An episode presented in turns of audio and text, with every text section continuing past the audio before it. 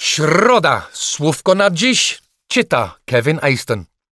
Co łączy człowieka ograniczonego, figurę ze śniegu i speniona falę morską? Otóż łączy ich słówko, którym można wszystkie te byty opisać. Bałwan. W porównaniu do polskiego, angielski jest nudny jak flaki z olejem. Słówko snowman odnosi się wyłącznie do śniegowej rzeźby. In North America, snowmen are generally built with three spheres representing the head, torso, and lower body. In the United Kingdom, two spheres are used one sphere representing the body and one representing the head. Jedna rzecz jest jednak w języku angielskim ciekawsza.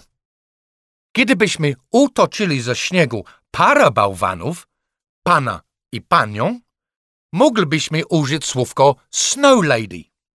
A gdybyśmy posunęli się jeszcze dalej, nic nie stoi na przeszkodzie, by do wyżej wspomnianej pary dołączyli snowcat, snowdog, a może nawet snow alien.